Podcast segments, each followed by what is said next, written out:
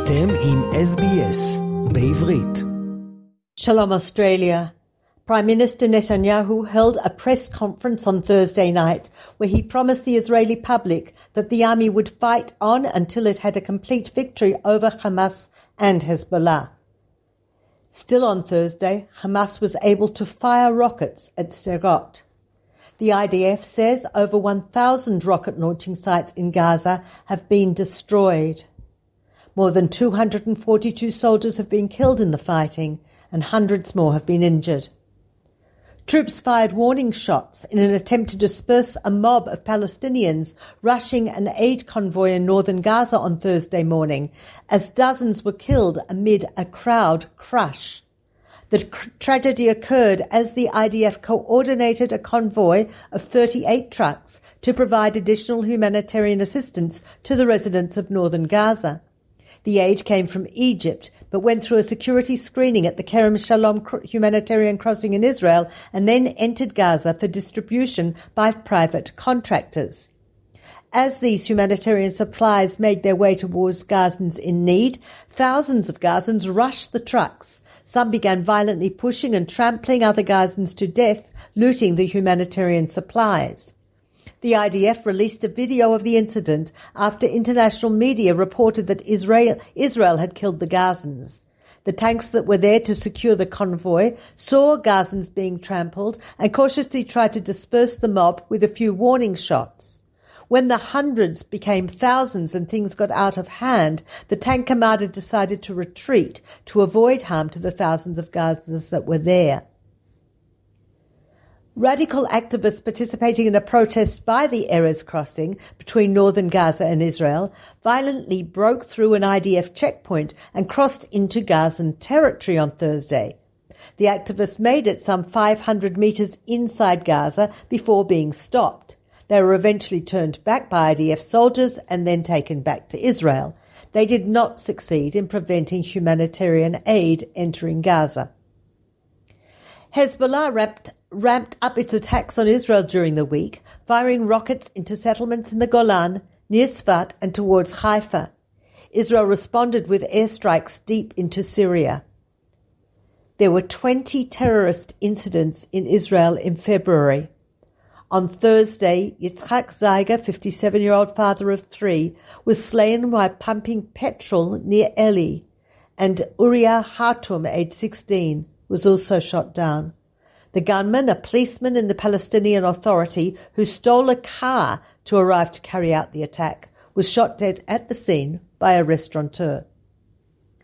Police on Thursday further expanded efforts to find a nine year old girl from Sfat who has been missing since Sunday, as evidence of her whereabouts remained elusive.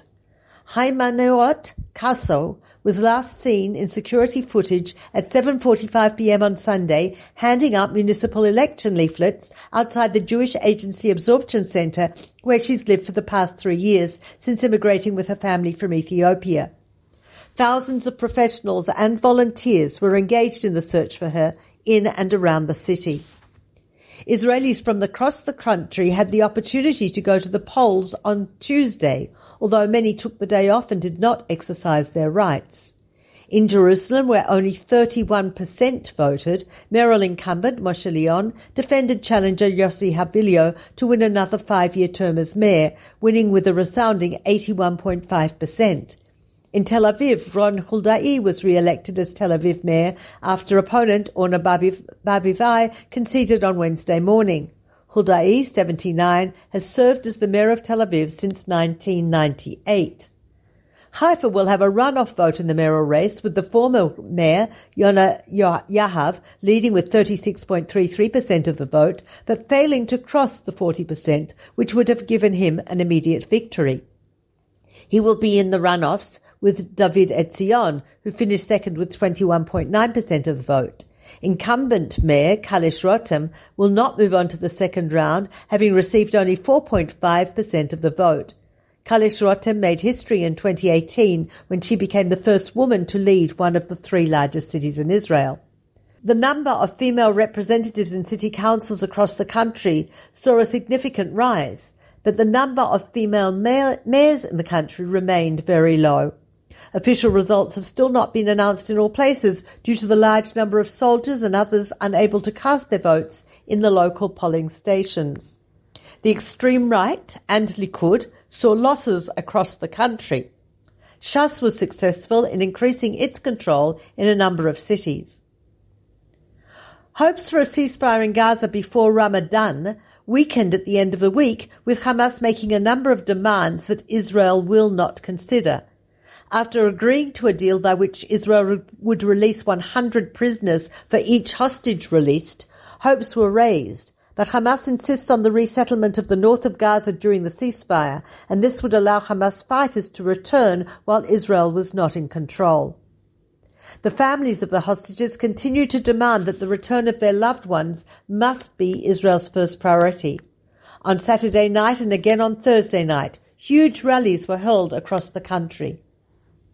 Defence Minister Yoav Gallant called for an end to military exemptions for members of the ultra Orthodox community on Wednesday and said he would only back legislation settling the matter if it is endorsed by centrist ministers Benny Gantz and Gadi Eisenkot. Gallant said manpower strains on the army amidst fighting in Gaza and on the northern border required the contribution of all sectors of society. He urged MKs to hash out legislation to address a situation in which most ultra Orthodox men skip military service. The legislation which provides the exemption has now expired, and unless a new agreement is reached in the next round of call ups, the Haredi community will be included, which will cause a major crisis for the government. Gallant's position is in direct opposition to those parties whose support is essential to the survival of Prime Minister Netanyahu's ruling coalition. Netanyahu dodged the question about Gallant's position at Thursday's press conference, repeating that the worst thing that could happen to us is a general election in mid-war, which would spell defeat in the war. He said, I'm sure that the defense minister is aware of the implications of general elections and the grave danger to the state of Israel if the war goals are not achieved, so I am sure we will find a solution. Israel's war cabinet has ruled that National Security Minister Itamar Ben-Gvir will not be permitted to buy Arab Israelis from worshipping at the Al-Aqsa Mosque on the Temple Mount on, during Ramadan. The war cabinet, made up of Prime Minister Netanyahu, Defence Minister Gallant, and Minister Benny Gantz, as well as other ministers who serve as observers, decided that it would be the sole body to make decisions regarding policy at Al Aqsa. Ben Gvir said in mid February that Palestinian residents of the West Bank should be barred from attending services at the Temple Mount in Jerusalem during Ramadan, and that he was also seeking to limit Arab Israeli visitors. Also on Wednesday, Hamas chief Ismail Haniyeh called on Palestinians in Jerusalem and the West Bank to march to Al Aqsa Mosque to pray on the first day of Ramadan, which will fall on March the 10th. Netanyahu said at the press conference that there was a preparatory discussion at which Ben Gvir spoke his mind, but said we will have additional discussions at the start of the week. Ultimately, we will ensure freedom of worship in accordance with security conditions. We have no intention of stopping Muslims' freedom of worship. He said if Israel were not sovereign on the Temple Mount, there would not be freedom of worship for the three faiths. And on Wednesday night, thousands attended the second meeting of Hasmol Ha'emuni, the religious left, where the discussion was around the religious obligation to free hostages, Pidyon Shvuyim, at almost any price. This is Peta Jones Pelach reporting for SBS Radio from Jerusalem. עקבו אחרינו והפיצו אותנו דרך דף הפייסבוק שלנו.